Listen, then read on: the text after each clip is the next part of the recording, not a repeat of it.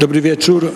E, Serdecznie witam Państwa na kolejnej odsłonie wykładów e, Polska-Węgry organizowanych wspólnie z Węgierskim Instytutem w Warszawie. Niestety dzisiaj pana dyrektora Tischlera nie ma z nami, bo ma inne obowiązki. W związku z tym przedstawiam naszego dzisiejszego gościa, pana profesora Trzabę Kisza, e, wykładowcę na Uniwersytecie Warszawskim, e, literaturoznawcę, e, historyka kultury zajmującego się nacjonalizmami, mitologiami i symbolami narodowościowymi w Europie Środkowej i oczywiście stosunkami polsko-węgierskimi.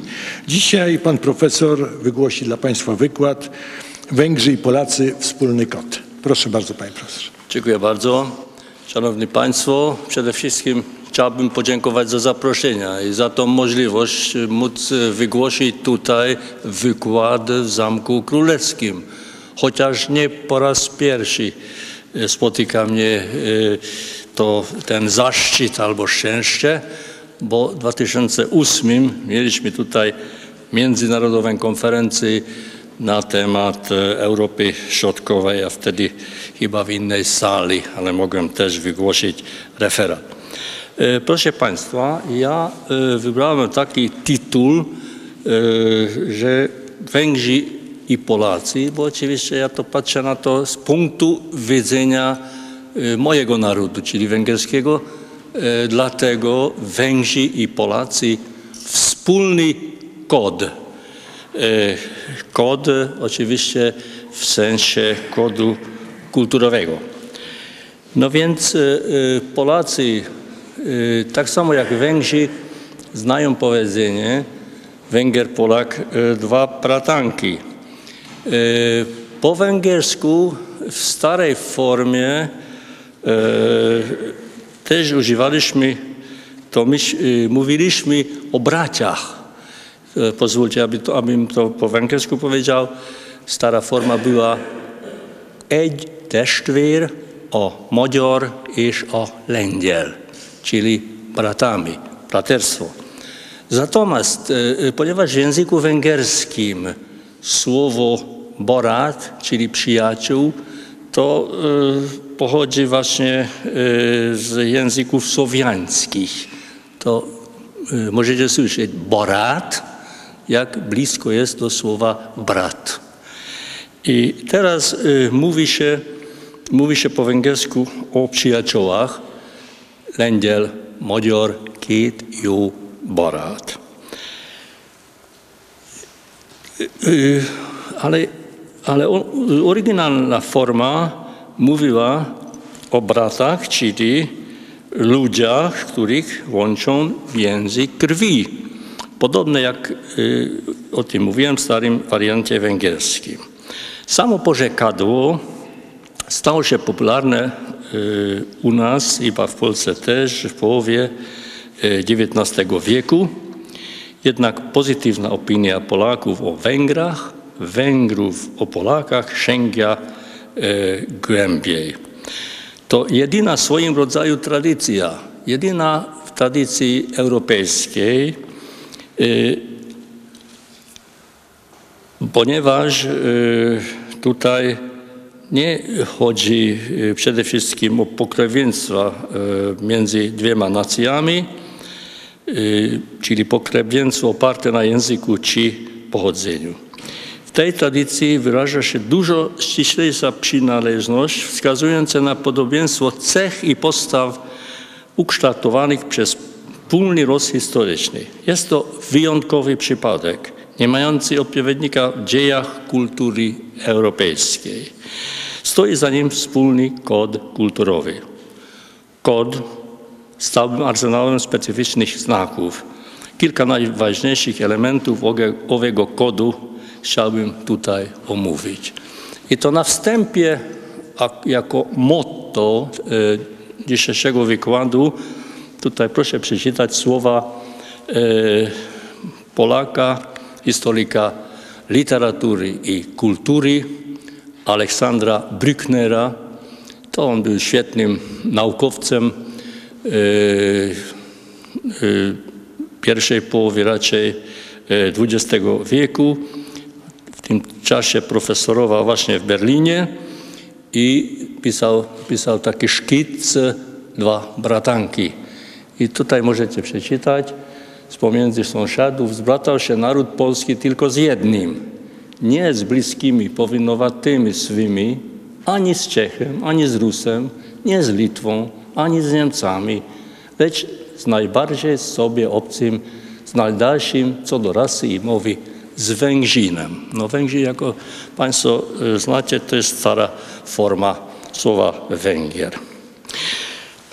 Ale tutaj też e, trzeba e, kontynuować z tym, że nasze stosunki w historii nie zawsze e, były bez, bez napięć, bez problemów. Były okresy, kiedy konflikty, napięcia odegrali dużą rolę w naszych stosunkach między tymi naszymi krajami. Jednak w imię przyjaźni na ogół je pomijamy, wymieniając jednym tchem bohaterów i wielkie momenty wspólnej przeszłości, zakładając, że mamy do czynienia z toczącym się gładko procesem historycznym, od którego stosunki polsko-węgierskie nie stanowią odstępstwa, wyobrażając sobie, że był to łańcuch zazębiających się zdarzeń, którego uczestnicy Węgry i Polska lub Węgrzy i Polacy zachowywały się przez całe wieki niezmiennie, bez względu na epokę i czynniki określające sytuację społeczno-polityczną.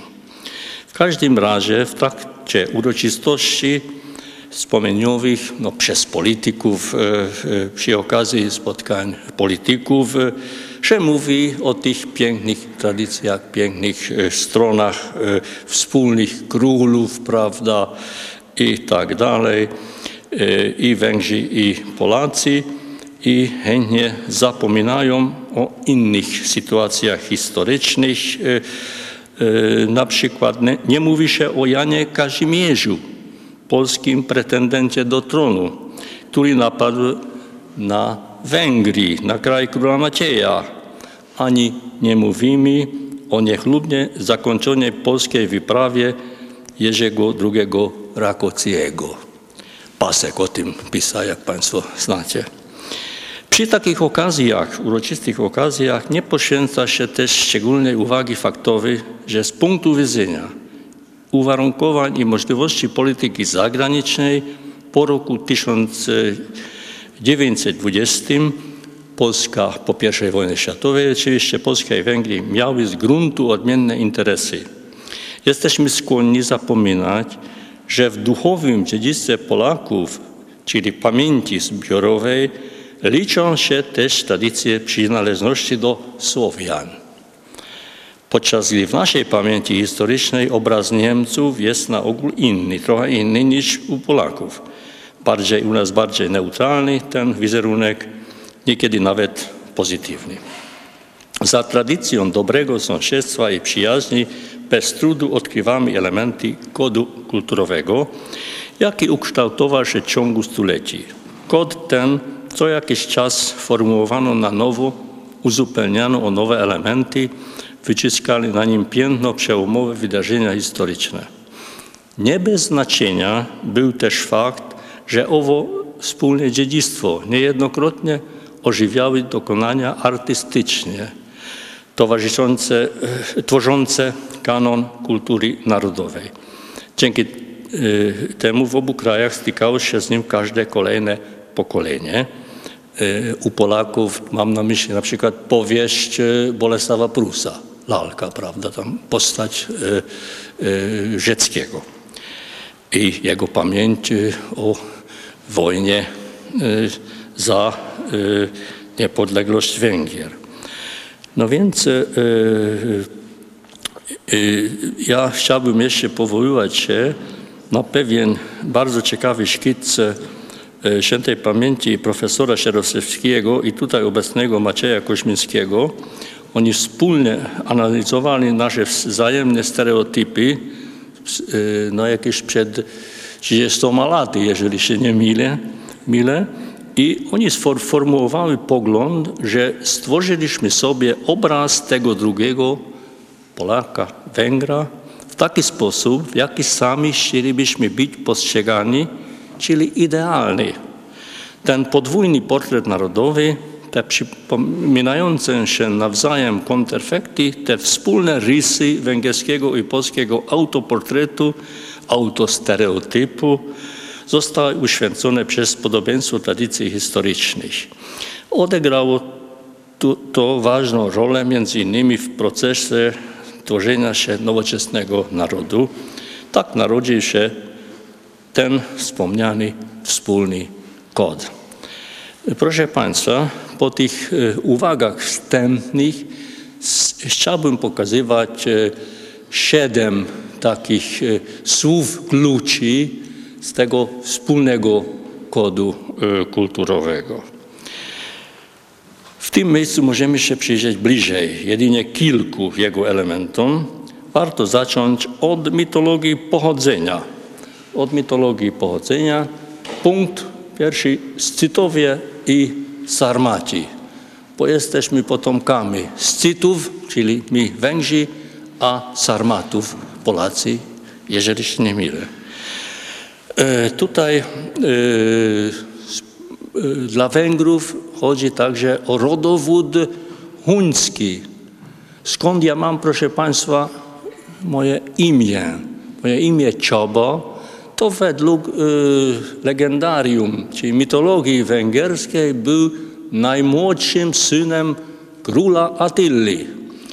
I proszę Państwa, cytat z naszego hymnu narodowego. Y, tu ojczyznę znalazł lud, będę go. Czasami nawet to Franciszek Kölczej, autorem hymnu węgierskiego 1822, czasami nawet studenci węgierscy nie wiedzą, kim był ten y, Bendegus, prawda? Bendegus był praojcem króla Attilli, czyli pobratymstwo, chodzi o pobratymstwo węgiersko-huńskie. Trzeba powiedzieć, że każdy naród Europy Środkowej szuka i szukał e, słynnych e, przodków. E, nie jest e, dziełem przypadku, że elity kraju leżących na wschodnich rubieżach zachodniego, łacińskiego świata chętnie przyjmowali koncepcję, iż mają starożytne korzenie i związki z Azją. No, my Węgrzy, jak Państwo wiedzą, jesteśmy z Azji. Może dzisiaj nie tak bardzo wyglądamy na Azjatów, ale ta tradycja jednak ta istniała, ist, ist, istnieje. No więc e, jesteśmy przybyszami ze wschodu, którzy później niż inni pojawiają się w świecie okcydentalnym. I to jest bardzo ważna ta różnica. Spóźnieni, spóźnieni przyjechaliśmy, przybyliśmy tutaj. Na naszych kresach było do pewnego stopnia kresy y, w moim, y, w mojej myśli to są y, te kraje Europy Środkowo-Wschodniej w pewnym sensie. Jesteśmy na kresach Europy Zachodniej. Byliśmy od początku naszej państwowości, a jest, jesteśmy dzisiaj też. No więc tutaj na naszych kresach naturalnie było wymyślanie, podkreślanie takich mitów pochodzenia. Interesującym wątkiem geograficznym jest fakt, że te dwa konne ludy, koczownicze, związki plemienne, czyli Scytowie, Hunowie z jednej strony i Sarmaci mieszkali na terenach, które ze sobą graniczyły, a więc po sąsiedzku. Drugi punkt, korona. To, to proszę trochę dalej. Tutaj nie mam cytatu. Nie mam cytatu, ale korona też bardzo ciekawy wątek tego kodu kulturowego. Wiadomo, że wedle przekazu historycznego pierwszy nasz król, święty Stefan, był koronowany w Boże Narodzenie roku tysiącnego, a Bolesław Chrobry dopiero w roku 1025. Jedna z legend tyczących świętej korony węgierskiej ma związek z naszymi kontaktami. z pierwszą pisemną wzmianką o przyjaźni polsko-węgierskiej. Pięć lat temu, to, to trochę e, wcześniej, bo to, to pisałem ten tekst jakieś chyba dwa lata temu, czyli jedną wersję tego wykładu. E, Ryszard Grzesik, naukowiec, historyk z Poznania, opublikował w języku polskim tak zwaną kronikę polsko-węgierską. Te, te, wszystkie kroniki oczywiście były napisane po łacinie. Y, niestety straciliśmy łacinę. Łacina też należy do wspólnego kodu kulturowego. Dlatego są tutaj te słowa corona antemurale, próżne Christianitatis. No więc e, ta kronika pochodząca z końca XIII wieku jest kompilacją, ale jest jedynym źródłem, które opowiada nie tylko o posłaniu na Węgry korony, tej pierwszej korony pierwotnej, przeznaczonej dla Polaków. Ale opatruję to krótkim komentarzem. Krótkim komentarzem. Jak wiemy z legend, kronik, papież jednak Węgrom podarował koronę, bo chciał uczynić zadość woli Boga, który ukazał mu się w snie i dał znak. Kiedy już podjął tą decyzję, papież wezwał, wezwał do siebie wysłanników obu krajów, obie delegacje, powiedzieliśmy dzisiejszym językiem, i przykazał im, o czym możemy przeczytać tylko w owej kronice polsko-węgierskiej. Żeby z tej przyczyny nigdy nie dochodziło między Polakami i Węgrami do niesnasek, do konfliktów, że te dwie nacje zawsze były sobie dobrymi sąsiadami i pozostawały ze sobą w stosunkach braterskich. To były słowa papieża według legendy. Korona była zresztą, y, miała, odegrała ważną rolę w tradycji polskiej i węgierskiej, nie tylko jako główny symbol władzy królewskiej, ale też uposta y, upostaciowaniem władzy państwowej, także jako znak jedności terytorium państwowego no, w, y, w wiekach średniowiecza. Wedle prawa węgierskiego mieszkańcy tego kraju, mieszkańcy, czyli przedstawiciele narodu, król i szlachta, są poddanymi świętej korony. U Polaków natomiast korona stała się metaforą Polski, zwłaszcza w kontekście jej związku z Wielkim Księstwem Litewskim e, po e, jak to się nazywa, po ten związek, po Unii Lubelskiej. Punkt następny, antemurale Christianitatis. Tutaj cytat. Ta tradycja, e, mo, e, można powiedzieć, ten mit historyczny istnieje tylko u Polaków, Węgrów i Chorwatów.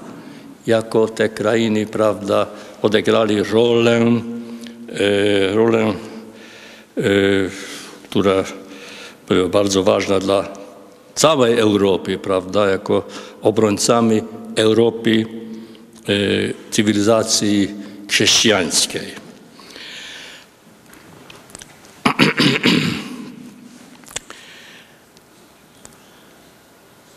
To mieliśmy tą świadomość, i to możemy mówić o pewnym toposie antemurale Christianitatis w kulturze węgierskiej i w Polsce. To oczywiście, że świadomość wspólnego losu była zdeterminowana przede wszystkim specyficzną konstelacją geopolityczną, czyli zamieszkaniem obu narodów na krańcach Zachodu. Była to, o tym już, o tym już mówiłem, ta sytuacja kresowa.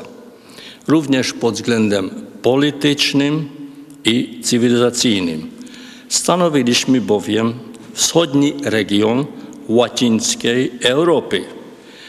Nie wolno zapominać, jak ważną rolę pośredniczącą odgrywał język łaciński, który naturalnie był też nośnikiem owego wspólnym, e, wspólnego kodu.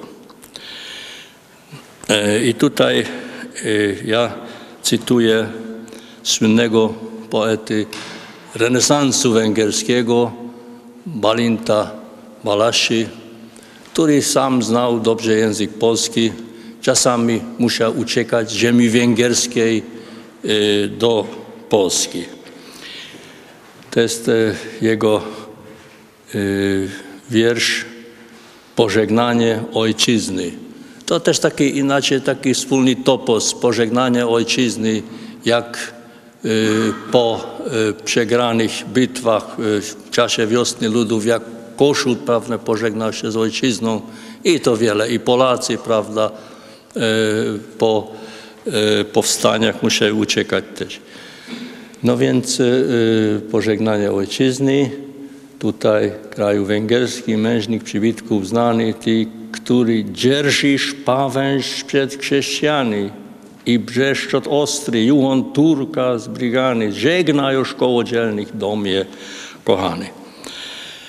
No, gdybyśmy chcieli e, zacząć studium wspólnych miejsc pamięci polsko-węgierskich, to oczywiście Balint e, e też e, miałby dostać e, jeden rozdział i trzeba powiedzieć, że w Krakowie też mamy piękną tablicę pamiątkową prawie na rogu rynku krakowskiego, Walinta Balaszczego.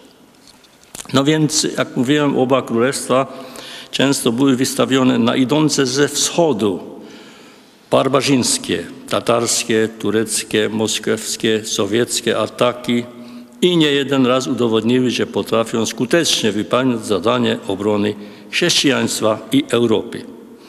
Świadomość tego przetrwała w następnych stuleciach, kiedy to Węgry i Polska reprezentowały w samym środku naszego kontynentu, nieraz tocząc walkę na śmierć i życie o swoją niezależność i wartości europejskiej cywilizacji i rozwoju. Wystarczy tylko wspomnieć wydarzenia e, z lat powstania e, listopadowego albo wiosny ludów, jeśli chodzi o XIX wiek lub rok 1920, wojnę polsko-bolszewicką albo powstanie węgierskie 56 roku, jeżeli się mówi o XX wieku. No więc następnie idziemy da, dalej. Następny punkt, proszę Pana, to kultura szlachecka. Jednym z najważniejszych elementów wspólnego kodu jest bez wątpienia tradycja kultury szlacheckiej. Owa szlacheckie demokracja i równość sformułowane przez Werbelcyego na początku XVI stulecia. Inaczej Werbelcy też miał tutaj bardzo ważny wpływ na e, prawo polskie. No więc to jest jego formuła. Una et edem libertas. To chyba nie trzeba tłumaczyć, prawda? Chociaż mało zapomnieliśmy łaciny, to jest e, straszna konsekwencja najnowszych czasów, że wszyscy mówimy się uczyć angielskiego. No więc, proszę Państwa, owa szlachecka demokracja, tak mówiłem, która e, w nowoczesnej reinterpretacji mogła wskazywać drogę ku równości obywatelskiej po części wskutek XVI-wiecznej refeudalizacji. Tak drugiego podaństwa wspólną specyficzną cechą polskiego i węgierskiego świata stanowego było to, że szlachta stanowiła znacznie większą część społeczeństwa niż w Europie Zachodniej.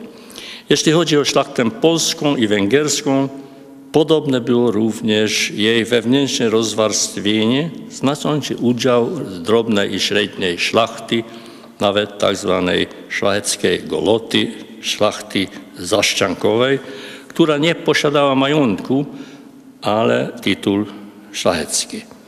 Mentalność szlacheckich posiadaczy ziemskich tkwiła korzeniami w prowincjonalnym, wiejskim trybie życia, którego szczególnym wyrazem był dwór szlachecki – dworek szlachecki jako ojczyzna w miniaturze.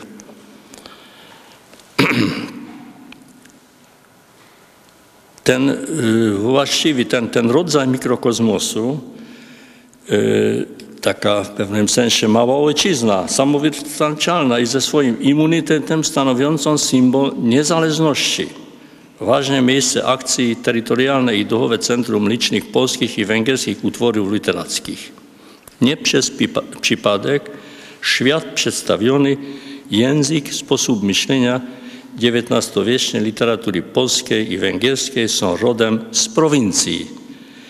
Oddają klimat tamtego ze wsi, tamtego środowiska, zarówno w panu Tadeuszu Mickiewicza, jak i w epickiej poezji jednego z naszych największych poetów, Janosza Arania.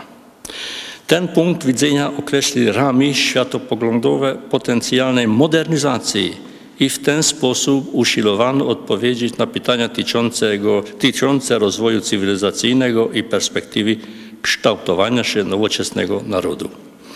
W obu tych procesach niewolnych rzecz jasna od sprzeczności, zarówno u Węgrów, jak i u Polaków, decydująca okazała się rola drobnej i średniej szlachty jako klasy politycznej. Rozciągnięcie wolności szlacheckiej na cały naród oznaczało, że w formułowaniu tożsamości wolność jako wartość zajęła miejsce centralne. Hasłem polskich legionów biorących udział w europejskich walkach o wolność, u nas także w XIX wieku, jak dobrze Państwo znacie, za naszą, za wolność naszą i waszą. Ja tutaj mam e, dwa cytaty. E, klasyk węgierskiej literatury romantycznej Michał Wereszmarty swoim wierszu Wezwanie. Wezwanie to można wyjaśnić, że to jest taki drugi hymn węgierski. Pisze, wolności tutaj widziano sztandary Twoje w snach, a synów naszych najlepszych pochłonął sypki piach. No, jeszcze tutaj oczywiście cytuję Petefiego, chociaż on nie był y, pochodzenia szlacheckiego, ale wolnego chłopstwa. I to też y, bardzo ciekawy termin. Teraz ta słynna, słynny wiersz Petefiego z okresu wiosny ludów, styczeń 1899 o Europę, cisza wszędzie. W całej Europie już nie walczono o wolność, tylko na Węgrzech w tym czasie. Patrz na nas dzisiaj o wolności i poznaj lud prawdziwie swój, czyli Węgrzy ludem wolności. I gdy inni nie śmią łzy uronić, krwią naszą holci składa bój. Pojęć bojownika o wolność jest oczywiście ważną kategorią w polskim i węgierskim panteonie historycznym. Tutaj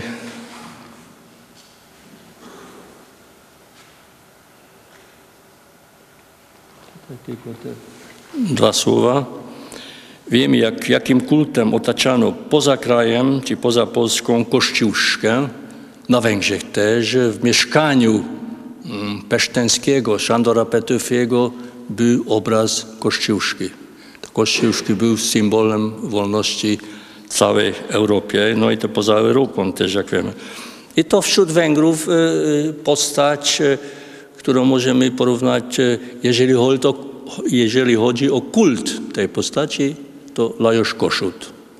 Lajos Koszut, przywódca, tak można powiedzieć, przywódca wiosny ludów na Węgrzech. Możemy tu też wspomnieć o emblematycznej figurze poety narodowego. Niektóre narody Europy Środkowej mają swojego wieszcza, jak no, Polacy mają nawet, y, y, można powiedzieć, świętą trójcę wieszczów, prawda? Y, na Węgrzech możemy uważać Petufiego za wieszcza, chociaż jeżeli chodzi o poetykę, poglądy estetyczne, to wielkie są różnice między poezją Petufiego i Mickiewicza. to należeli do innych pokoleń, prawda? Ale Petyfi też został symbolem węgierskości poza Węgrami. Poeta, który zginął na polu walki w Siedmiogrodzie. I nie wiadomo, nie wiadomo, gdzie się urodził. Yy, obawiam, że, ale chyba nie mamy tutaj na sali yy, kogoś z Kiszkyrysz. To chyba nie, bo, bo ja to zaryzykuję do dnia dzisiejszego, nie wiemy, gdzie on się urodzi, prawda? Oczywiście oficjalna wersja, że w miasteczku Kiszkyrysz, ale y, mieszkańcy Sobot-Sala, Kiszkum Filet Hazo twierdzą, że on urodzony u nich, prawda? Że to jest y, typowe podejście pamięci zbiorowej, mitologiczne podejście, prawda? I tak samo nie wiemy, y, gdzie on zginął. Nie, naz, y, nie znaleziono zwłoków Petufiego, prawda, na polu bitwy. No więc to jest y, w świadomości wspólnoty wniósł się do rangi mitycznego herosa Petufi u nas. No więc następny punkt to martyrologia narodowa. Tutaj też zbieżności, paraleli możemy, możemy znaleźć e, z Polakami i Węgrami.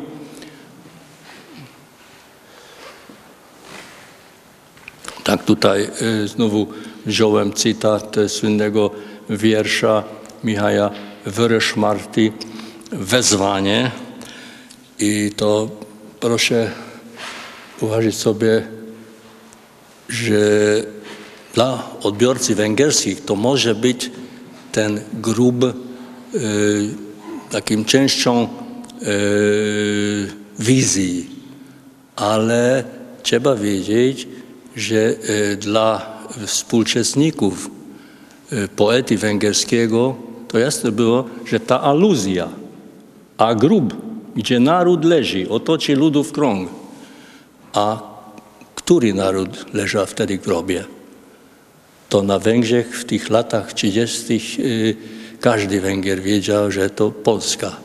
To jest aluzja na y, tragedię powstania listopadowego, ale to jest takim ujęciu uniwersalnym, prawda? Y, I tutaj oczywiście chodzi też o możliwość śmierci narodu. I to proszę tutaj yy, przeczytać te ostatnie, to są te ostatnie strofy, yy, to jest wezwanie, prawda, tytuł. Twojej ojczyźnie niezłomnie, wierni Madziarze strzeż, ona jest Twoją koliską, aż po mogilny dreszcz. No, yy, to też tutaj, jeżeli chodzi o możliwość e, upadku narodu, czy śmierci narodów, to u innych nacji, narodów Europy Środkowej można też e, spotykać takimi mitami e, tragicznymi, ale każdy naród myśli sobie, że tylko jego naród jest męczennikiem historii. No proszę Państwa, poczynając od mitu Kosowego Pola u Serbów, po przegraną bitwę pod Białą Górą z której Czesi uczynili tragedię narodową. Interpretacja owych tragedii narodowych i decydujących przegranych bitew przebiega często w wymiarze transcendencji. W dramacie Mickiewicza Dziady spotykamy po raz pierwszy topos Polski jako Chrystusa narodów. Myśl o wyjątkowości narodu. My jesteśmy narodem wybranym. Każdy naród myśli o sobie, że jest narodem wybranym, prawda? E, towarzyszyło, myśl ta towarzyszyła w epoce romantyzmu i pierwszej fazie nowoczesnego nacjonalizmu poniekąd jako prawidłowość. A zatem interpretacja ofiary, upadku jako męczeństwa nasuwa wręcz analogię z losem Chrystusa, w naturalny sposób ukazując, ukazując nadzieję na zmartwychwstanie, na odrodzenie się narodu. Prawda? Taki piękny niemiecki termin, nacjonale Wiedergeburt, y, czyli odrodzenie narodowe, prawda?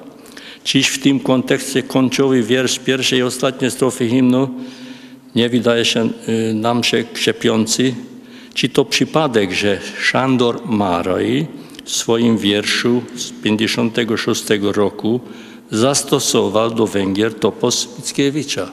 Węgry Chrystusem narodów. W każdym razie zarówno Węgrzy, jak i Polacy są skłonni swoją nową i najnowszą historię interpretować jako ciąg narodowych tragedii, co znów jest elementem wspólnego kodu. Nawet jeśli przywołują oni odmienne argumenty. Poczucie zdania tylko na siebie, obojętność wielkiego świata. To też wyraz Wereszmartiego, wielki świat. Wielkiego świata na nasze tragedie, na nasze zrywy wolnościowe to kolejne podobieństwo. Takie myślenie, że to inni, czy w ogóle w Europie Zachodniej, nie chcą to rozumieć, jak tragicznie mieliśmy e, my historię. I proszę Państwa, to tak e, e, Panteon Narodowy.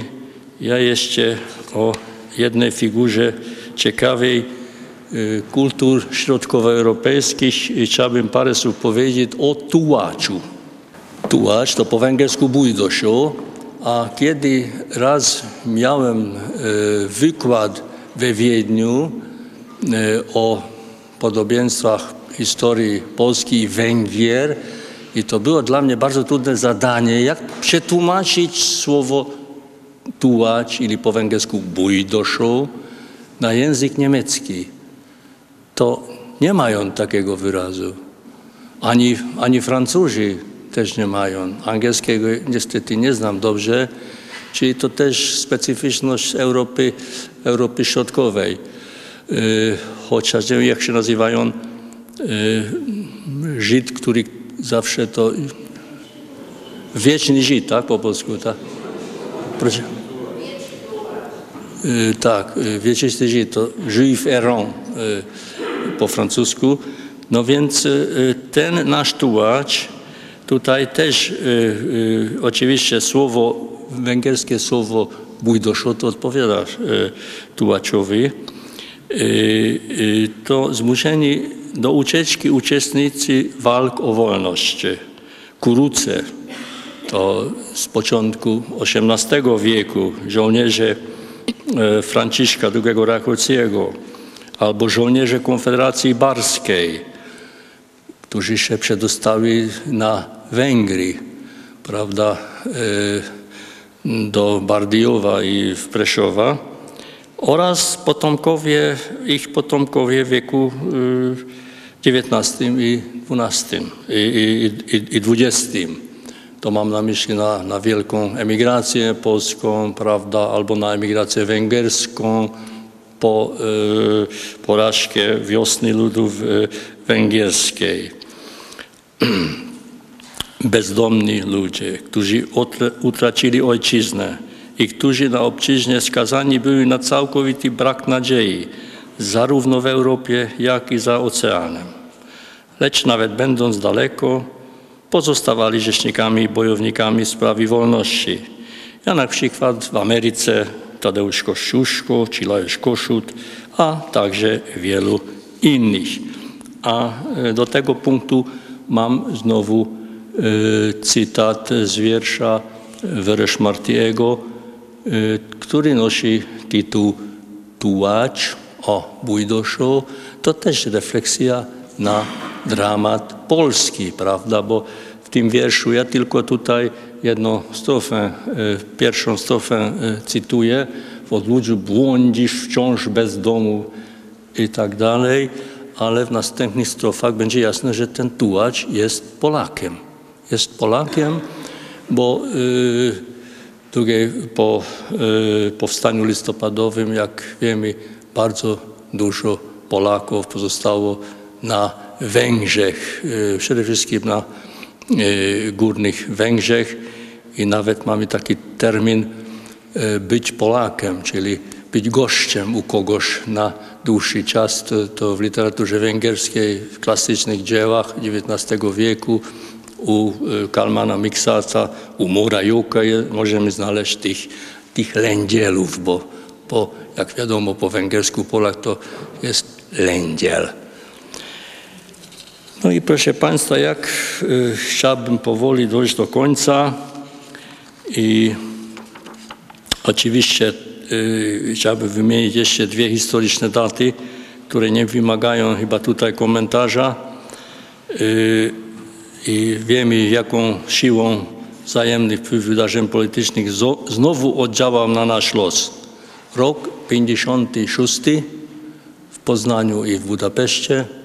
Ja już tego czasu pamiętam, no jako dziecko czytałyśmy o rozruchach prawda, w Poznaniu i w ogóle wydarzenia polskie mieli bardzo ważny wpływ na wydarzenie budapeszteńskie, ponieważ ta pierwsza wielka demonstracja na ulicy Budapesztu zaczynała się hasłami, że hasłami Solidarności z Polską, prawda? To początek e, rewolucji węgierskiej.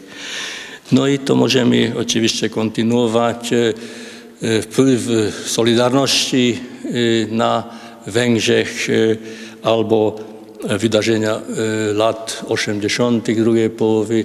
Ja pamiętam, ja wtedy e, krótki czas byłem w polityce.